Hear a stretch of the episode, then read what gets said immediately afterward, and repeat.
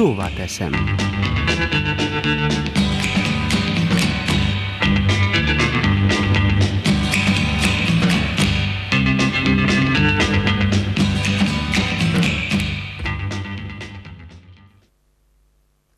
Az idei nyáron soha nem tapasztalt a szájt éltünk meg. A mezőgazdaságban jelentős a termés kiesés. A csapadékmentes időszak az erdő és tarlótüzek kialakulásában is benne vagyunk mi, emberek. Égett a karzdvidék. Az aszály miatt patakok száradtak ki. A Vipavai völgyben, Goriska Börda környékén, a folyókon rekordalacsony vízállást mértek. Kialakult az ipari vízhiány, a lakossági vízellátás is akadozott. A muravidéken ilyen nehézségekkel nem kellett szembenéznünk, de a mezőgazdaságra rányomta a bélyegét a katasztrofális év. A gabona aratása sem hozta meg a várt eredményeket, főleg minőségben. A kukorica termésben jelentős a kiesés. Vannak régiók, ahol annyira kiszáradtak a kukoricatáblák, hogy értékelhető termést nem hoztak.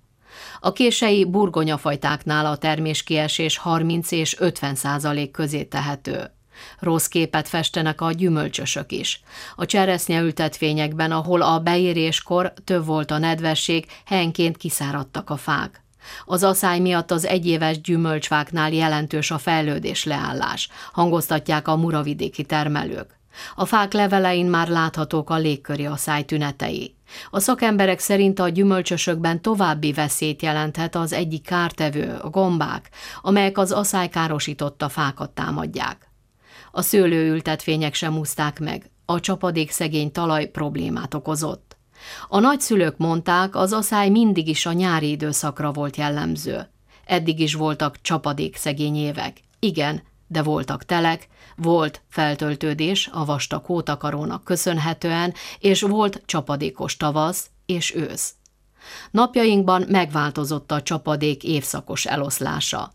A mezőgazdasági problémákkal, a művelési módszerekkel, a vízgazdálkodással, a klímaváltozással többet kellene foglalkoznia az agrárkamarának is. És nem utolsó sorban a gazdálkodók, termelők gondolkodásának is változnia kellene. Az idei asszály, az erdőtüzek, a jégesők feladták tehát a leckét. Nem lehet mindent öntözéssel, jégkármentesítő rendszerrel megoldani, mint ahogy az erdőtüzeknél is. Nem elég az önkéntes tűzoltóság, szükség van az akkumulációs tavakra.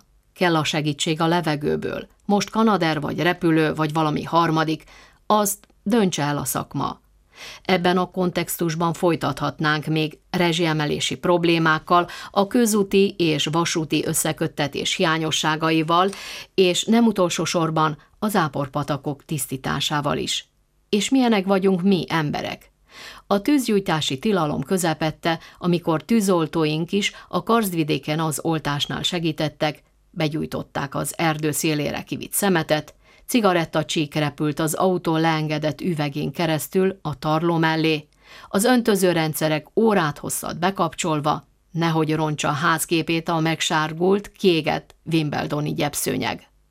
Gondolkodjunk, a lecke feladva, készüljön a prioritások jegyzéke.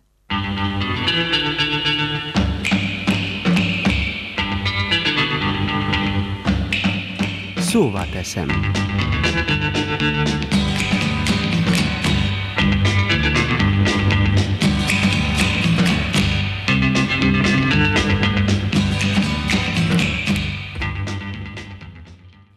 Az elhangzottak a szerző véleményét tükrözik, és nem minden esetben egyeznek a szerkesztőség álláspontjával.